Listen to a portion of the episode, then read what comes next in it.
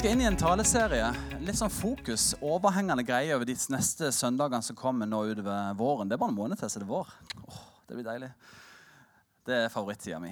Det er jo høsten. Høsten er vakker. Nærmere Jesus.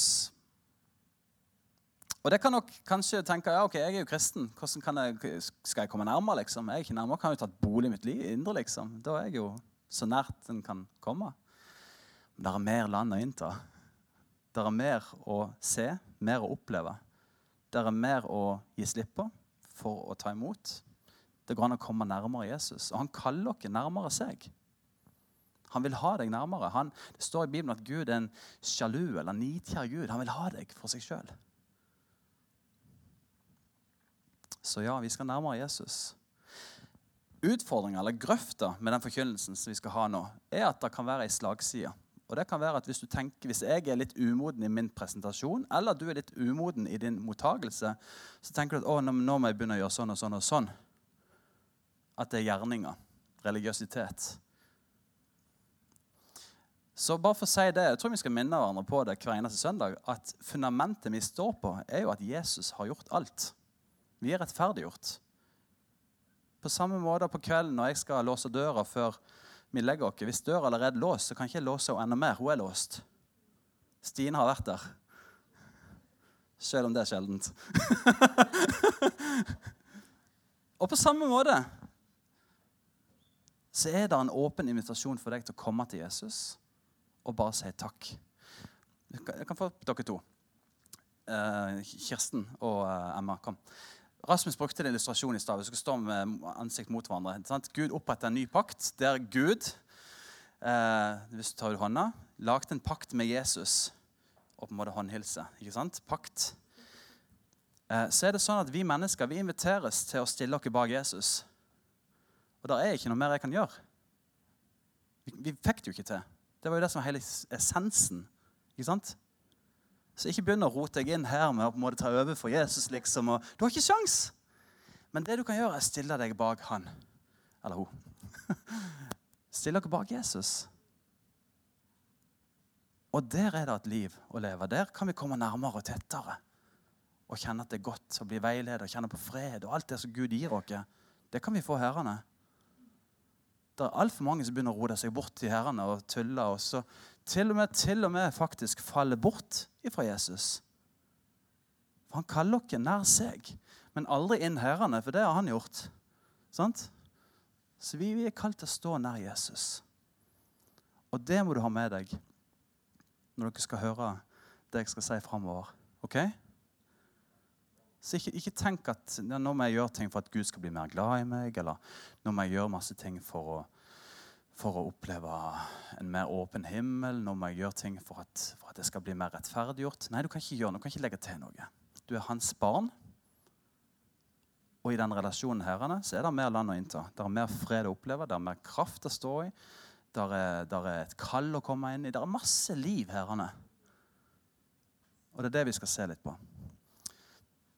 Dere var himla gode. Det var sterkt. Dere har ikke vurdert teaterskolen her med Det er godkjent, ja. Det er way over en del av de du kanskje allerede har. de sto stille. Så nærmere Jesus, og på en måte litt av undertittelen for dag, i dag da, blir 'Livets vei'. Veien. De første kristne lagde et skriv, og det er kanskje et av de eldste dokumentene faktisk vi har, som ikke er en del av den bibelske kanoen, som kalles for didasje. De tolv apostlers lære.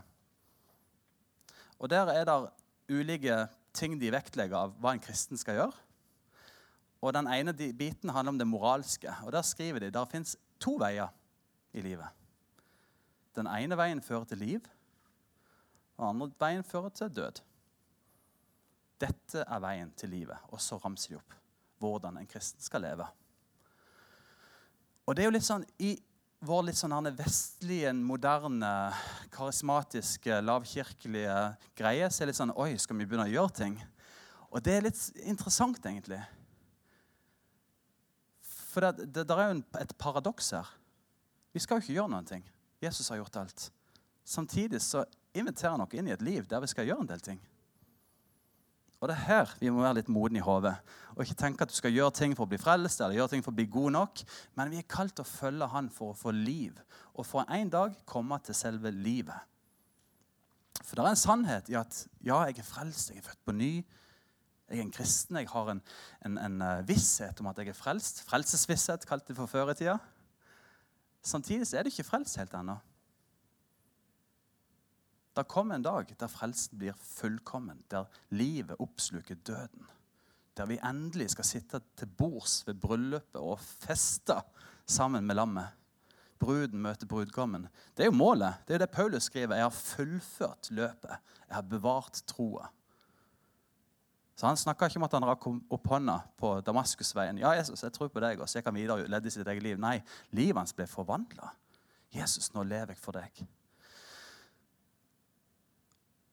Så det er det kunststykket det vi skal gjøre nå framover. Det er å formidle et liv som skal leves, på en måte som gjør at det blir til liv, og ikke et pålegg eller en byrde eller en religiøsitet. Men at fordi vi er frelst, så velger jeg å følge deg, Jesus. Ok? Ha den introduksjonen hver søndag nå framover. Jeg har så sykt mye jeg skal si.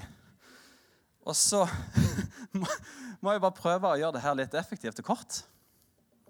Yes.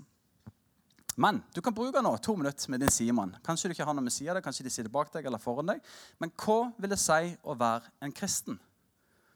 Hva vil det si å være en kristen? Kan du bruke et minutt, to minutter, reflektere litt over det? Hva vil det si å være kristen? Hva betyr det? Hvordan ser det ut?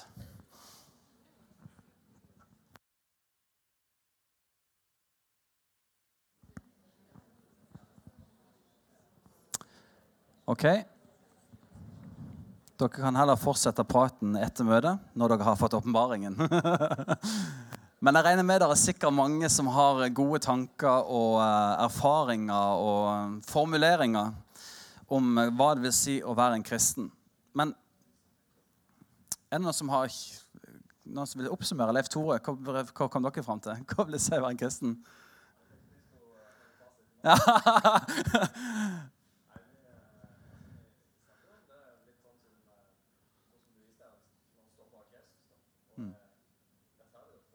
Mm. Ja. Mm. Bra. Firas, kom dere fram til noe? Hva vil det si å være en kristen? Ja, Og etterligne, ja. ja.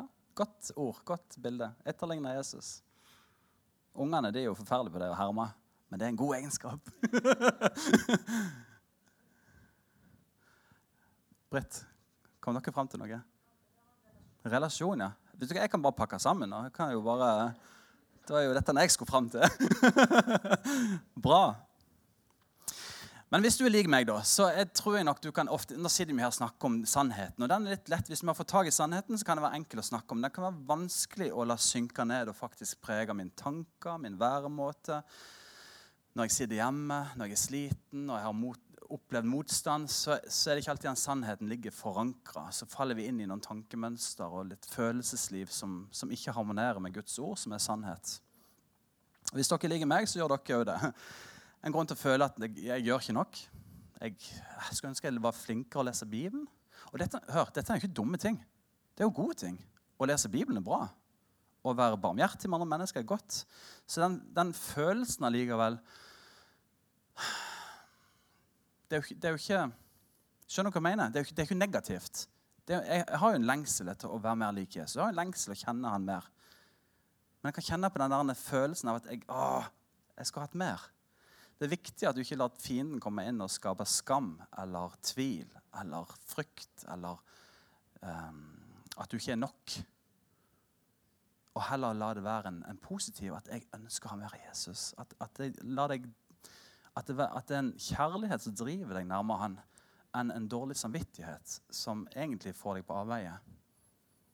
For En dårlig samvittighet vil aldri få deg nær Jesus. Kanskje et par skritt, mens du begynner å rote i mye annet tøys. Beskrivelsen av de første troende de ble kalt på gresk 'hodos', som betyr 'de som tilhører veien'. Eller roadies. Ikke det andre, men roadies. Roadies det er de som reiser sammen med Metallica for å rigge, for å styre. For å, de, de, er der og tjener. De følger bandet. Uansett hvor de reiser. Roadies. Som faktisk Hodas betyr roadies. Så meg og deg, vi er roadies for Jesus. Eller iallfall det vi skal være. Det er egentlig det vi skal være. De som tilhører veien. Er det noen av dere som, har, eh, er noen som er litt glad i Star Wars her i verden? Ja, det var ikke mange. Vi er ikke, vi er ikke Star Wars-menighet, altså, men eh, jeg syns Star Wars er den wow, den fascinerende verden. Og der er mange flotte bilder på, som jeg kan fint koble opp mot evangeliet. Så det er en spennende og gøy, actionfylt og dyp filmserie. Du skal kjenne til The Mandalorian. Du har kanskje hørt om det eller sett det? Mandalorian. Jeg så sesong 1 og sesong 2, og så dabba jeg litt av. og så har jeg, jeg har ikke tid til å se på alt. Og så har jeg funnet ut at det er jo i grunnen ikke verdt å se på. Men Gud er i sin nåde kan lære oss ting i ting som kanskje ikke er mest og best mulig tidsforbruk. Og jeg hang meg opp i noe han og de sa. De sto overfor et dilemma i forhold til hva de skulle gjøre. Og de samtlige Mandalorians sto og snakka om at vi må gjøre dette. Because this is the way. Dette er veien. Og Det var en, et, en mantra de hadde, slagord de hadde når de skulle ta vanskelige avgjørelser i forhold til etikk, moral, verdier, det å ofre seg sjøl for et uskyldig liv. This is the way. Og det ordet der, this is the way, bare greip fast med, for jeg vet hvor det egentlig kommer fra. Folket som tilhører veien.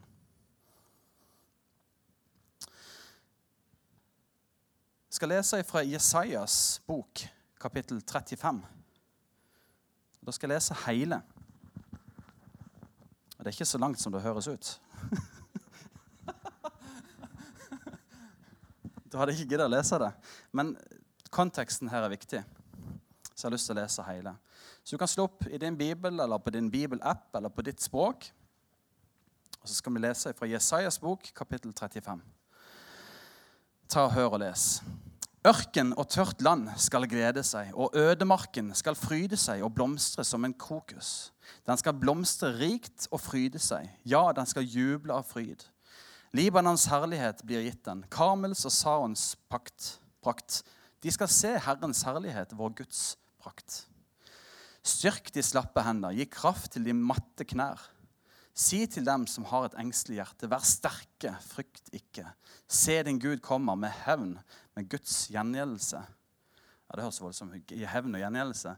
Men det handler om at israelsfolket har vært urettferdig behandla. De har blitt plagt, gjort til slaver, levd i eksil. Gud skal hevne dette. Han kommer en dag. Alt rett, eller alt urett, skal bli gjort rett.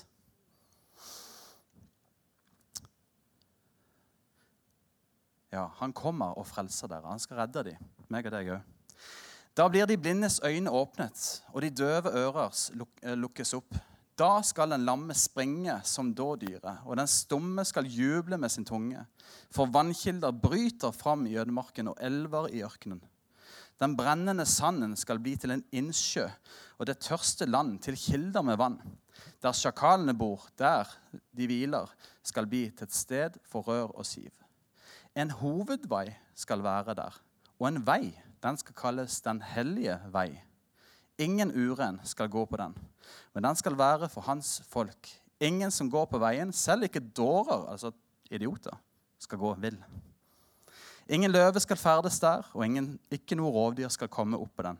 Slike skal ikke finnes der. Men de forløste, altså de frelste, skal gå der. Og Herrens frikjøpte skal vende tilbake og komme til Sion med jubel, med evig glede over deres hode. Fryd og glede innhenter dem. Sorg og sukk må rømme.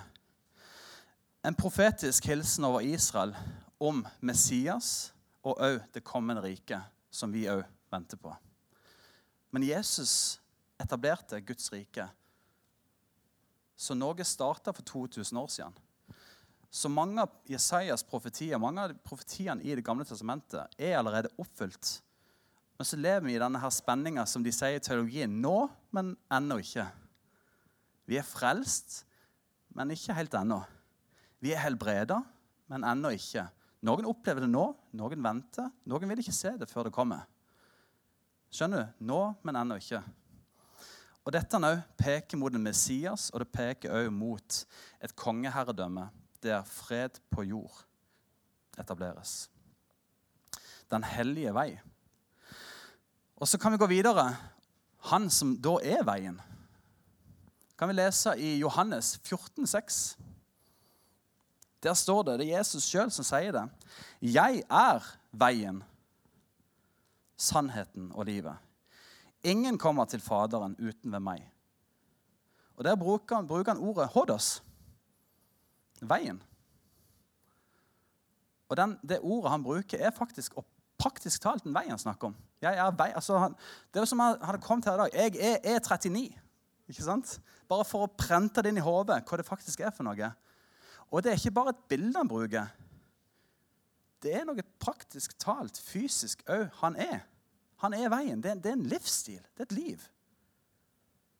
Jeg er veien. Og når vi går på den veien, så vil vi se sannheten. Og med sannheten så får vi livet. Så den hellige vei ble det snakka om. Jesus kom, han sa han er veien.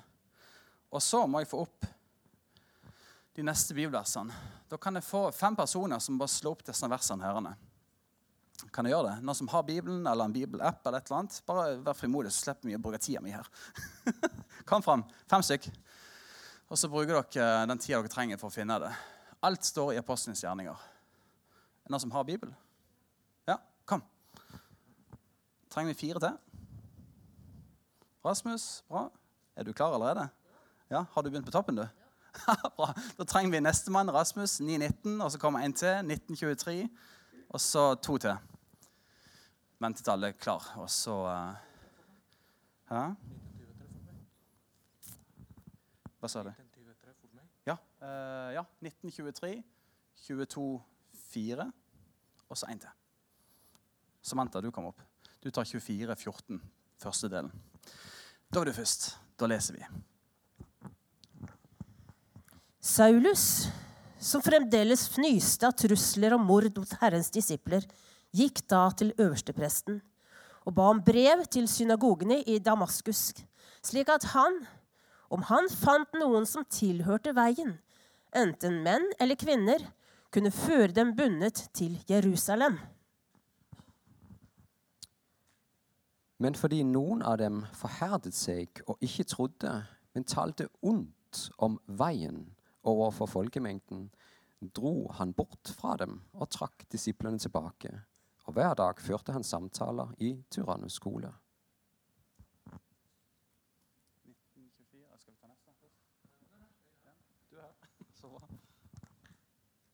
Omtrent på denne tida ble det et stort oppstyr om veien.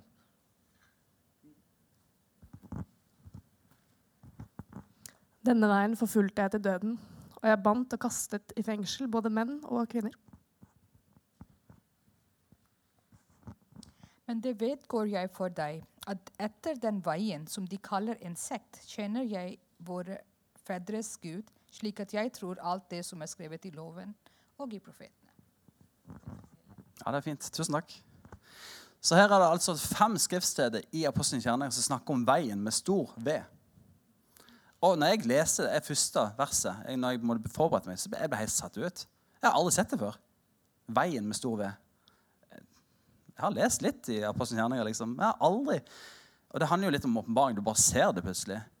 Men veien Saulus, som etter hvert møtte Jesus Kristus sjøl og ble Paulus, han etterfulgte de som tilhørte veien. Kult. Veldig praktisk, faktisk. For hvis dette var noe du kunne forfølge, hvis dette er noe du kan tilhøre, så er det jo noe som legges merke til. Det er ikke bare intellektuell tro. Ja, det er fint med julaften på gudstjenesten, liksom. Så gjør jeg det jeg vil ellers. Ja, men jeg, jeg tror jo på Jesus. Jeg har lyst til å bare rocke litt med tankene deres. For er, jeg, dessverre, jeg tror Heldigvis skal ikke jeg dømme. Det har ikke ingen rett til å gjøre. Men jeg tror dessverre at det er mange i dette landet som tror de er frelst. Og som Bibelen veldig tydelig peker på at nei, men da må du gå en annen vei. Det er jo derfor når Peter står på pinsedagen og det bare braker løs, og folk bare 'Hva skal vi gjøre?' Hva skal vi gjøre for noe? Jo, omvend dere. La dere bli døpt til menigheten, og følg veien.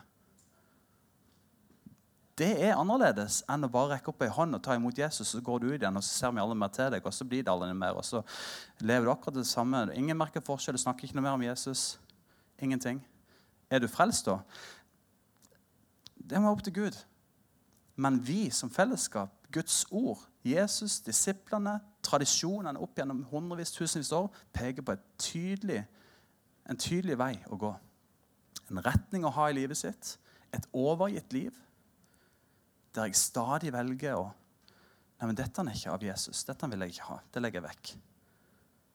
Men det må aldri bli en religiøs byrde og en sånn sosial kontroll. At ja, 'Jeg så du holdt på med telefonen mer enn én en time i går.' Liksom. Det, altså, da, da, den hellige ånd skal veilede dere. Guds ord skal være deres sannhet. Men det er en vei å gå. Det er en vei. Nå skjønner dere sikkert hvorfor jeg var veldig opptatt av å få på plass rettferdiggjørelsen først. For det, det handler ikke om å bli rettferdiggjort, men det handler om at fordi du har fått det livet, så vil jeg leve annerledes. Og så kan du si, men hvordan? Jeg får det ikke til. Jeg snubler, og jeg dummer meg Gud, og jeg er avhengig, og jeg styrer. Jeg klarer det ikke. Jeg får det ikke til. Det er en filosof og teolog som levde for mange hundre år siden, som heter Pascal. Han kan oppsummere hans undervisning med 'fake it till you make it'. Eller bare, bare gjør, så blir du etter hvert. Og Vi lever i en tid nå som vi kaller for opplysningstid. eller Vi er på, måte, egentlig på vei ut av den postmoderne tid. Opplysningstida har sånn sett vært, men vi, der ting handler veldig mye om det intellektuelle. Vi skal forstå, vi skal lese og nærmest hjernevaske, og så skal vi begynne å gjøre. Sitt på skolebenken i sju år, og så skal du begynne å gjøre. Og det er mye bra å få der. Og noen fungerer kjempebra der. Men vet du hva? Gjennom tusenvis av år har det vært sånn Ja, du har lyst til å bli en smed, du, ja. Kom og bli med. Ja, OK, så du skal begynne å brodere? Ja, ja, bli med meg, så skal jeg vise deg. Hva var det Jesus sa? Ja, gå på skolebenken og studere Toraen i ti år, liksom. Nei, han sa kom, bli med. De første kristne, hva sa de for noe? ja, altså Kom, eller omvend deg. Kom, bli med. Og så gjør vi det sammen. Det er jo nøkkelfaktoren. Vi blir en del av et fellesskap. Og vi går på denne veien sammen.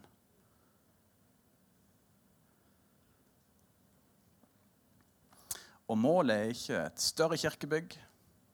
Målet er ikke vekkelse. Nå skal vi jobbe vekkelse. Målet er ikke nå skal vi bli dritgode på det, eller vi ønsker å være 200 på gudstjenesten. Det er målet. liksom. Målet er veien. Vandringen. Livet. Fellesskapet. Relasjonen. Så skaper Gud lysten, så skaper Gud frukten, så skaper Gud drømmene. Så kommer han med gjennombruddet. Men meg og deg, vi skal bare gå på denne veien. Og vi skal nyte det. Vi skal heie på hverandre, vi skal oppmuntre hverandre. De som er sterke i troa i perioder, skal hjelpe de som er svake i troa. Jeg får det ikke til, liksom. Ja, men kom an, bli med. Jeg skal vise deg. Så jeg tror vi må ta litt av fag, fagarbeidet tilbake igjen inn i kristendommen. Hva skal jeg gjøre for noe? Ja, men Kom og bli med. Jeg skal vise deg. Vi går på gudstjeneste. Vi går på bønnemøte. Vi leser litt i Bibelen sammen. Vi ber litt sammen. Du er ikke barmhjertig og raus, nei? Nei, ok, men da bare begynn å gi litt, så blir du raus og barmhjertig etter hvert. Vi, altså, Bibelen er så praktisk på hva vi skal gjøre, ikke for å bli frelst, ikke for å bli mer likt av Gud, men at for du skal oppleve fred, glede, vokse og bli mer lik Kristus. Det er en vei å gå på. Og det er forferdelig praktisk.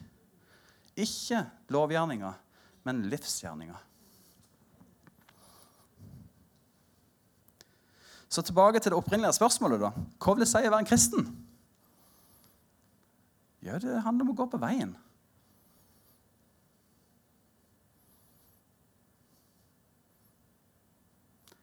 Jeg syns det er veldig gøy. Jeg. det er kjempegøy. Jeg har hatt en podkast her i høst. En som ble intervjua i en kristen podkast. Så sier han ja, jeg heter ditt og datt, jeg er en kristen. Jeg går på veien, sier han. Og jeg bare Hå. Har aldri hørt noen presentere seg sånn. Det var dritgøy. Jeg bare digga det. For hvor mange kristne er det ikke i dette landet som ikke går på veien?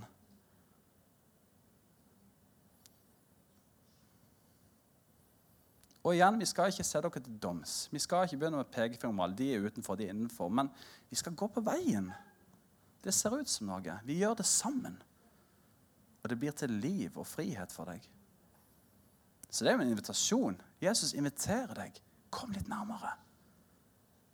Hold deg litt mer inn på veien. Ikke gå i de grøfta der rot så mye. Kom nærmere.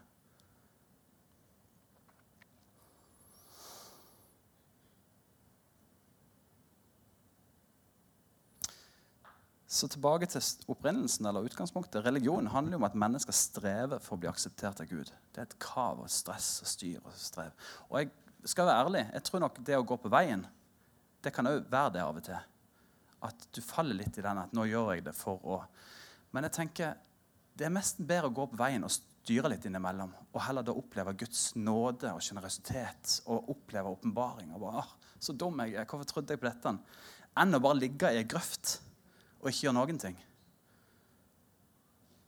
Altså litt sånn Kom an, kan vi ikke bare begynne å gå nå? Vi har en hensikt. Gud har kaller på deg. Altså, ja, så Av og til så, så, er jeg litt for opptatt av å bli likt. Så følger jeg litt for mye med på Facebook for å få likes. Og så må jeg bare dø ifra det. Og på en måte, Det vil jeg ikke ha. Jeg har nå en, en måned fase fra alt som har med sosiale medier, nyheter, til og tøys. og det er så deilig. Jeg kan bare Fire dager nå. Abstinensene begynner å gi seg. Hei, Kristoffer her. Avhengig av telefonen min. ja, det, sånn er det bare. Det er en av mine issues i livet. Det er så digg da bare Jeg, jeg er jeg er herre i mitt liv. Jeg styrer hva jeg skal være opptatt av. Ikke sant? Og Det er del, er et veldig banalt enkelt eksempel, men det er sikkert veldig relevant. Men det er jo en del av å gå på veien. Jeg kjenner nå Kristoffer, du trenger mer fred i livet ditt. Du trenger mer sinnsro. Det er veldig mye bra jeg ser på denne telefonen. Utrolig mye bra taler og prekener og slogans og ditt og datt. Men for meg så blir det veldig mye bra, og så går jeg glipp av det beste. Og så blir det distraksjoner istedenfor liv. Og så går jeg og sammenligner meg. og Tenk om jeg var så god taler. Tenk om jeg var så et eller annet. Og så tenker jeg bare nei, vet du hva, nå, må jeg bare koble av litt. Og bare finne det sanne livets tre. Og bli kobla opp mot det han ønsker å gi meg.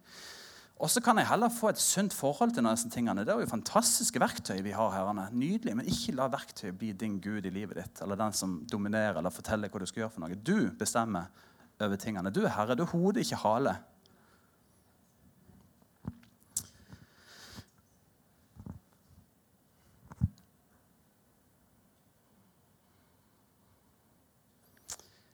I Filippabrevet skriver Paulus 'jobb' eller 'arbeid' på deres frelse. Uh. Høres ikke det forferdelig ut? Men det er fantastisk. Så lenge det ikke er religiøsitet, men en relasjon, et liv.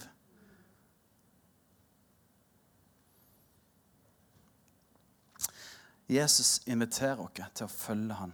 Ikke på avstand. Det gjør altfor mange. Meg sjøl òg, inkludert òg, gjør det Daglig kan jeg komme på avstand. Ukentlig, månedlig. Det kan være perioder der jeg kommer litt for langt på avstand. Man inviterer hver enkelt herrene til å komme litt nærmere.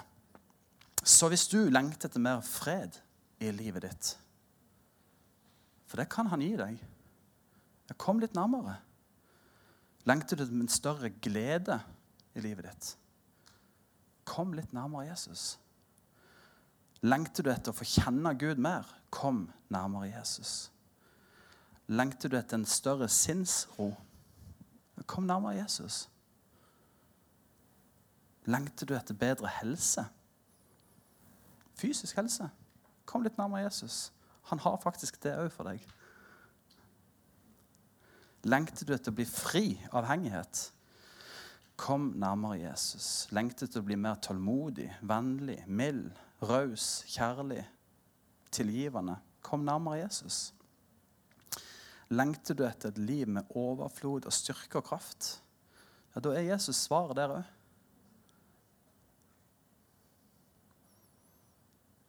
Jeg leste ei bok her i høst som jeg syns var fantastisk, som heter 'Kunsten å forme livet'. Og Han skriver det at livet vårt har en liturgi. Liturgi er på en måte, Hvis du går inn i kirka, så vil du virkelig se hva liturgi er. Vi har det. Ja, Først er det velkommen, så er det to sanger. så er det, ikke sant? Vi har en liturgi, vi har en form. Og vi gjør det jo av en hensikt. Liturgi er bra hvis det har en intensjonalitet i det. Vi lever et liv der du har en liturgi. Kanskje liturgien din er at du våkner alltid litt for seint. Og så er det første du leser VG og Dagbladet, Facebook, Instagram, Twitter eller X. Eh, Og så tar vi en ny runde til for det skjedde noe nytt de siste fem minuttene. Og så er det starten på liturgien din. Og så er det stress og kav for å få ut ungene. Og så er det jobb. Og så er det hjem. Så har du vondt i hodet. Og så er det middag. Og så ut på en eller annen aktivitet. Og så er det hjem igjen, få ungene i seng. Og så er det beina på bordet, og så er det et eller annet for sjela mi. Ja, da er det kanskje Paradise Hotel. Nei, det var ikke det. Der satte jeg det på spissen. Det er en liturgi.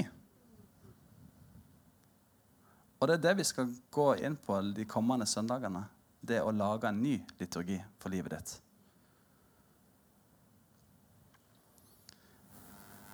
Så det å starte morgenen da heller med 'Herre, takk for en ny dag'. Helligånd, må du vise meg noe nytt av deg i dag. Eller whatever. Kanskje det er en tidebønn. Du bare leser opp en bønn, et skriftsted.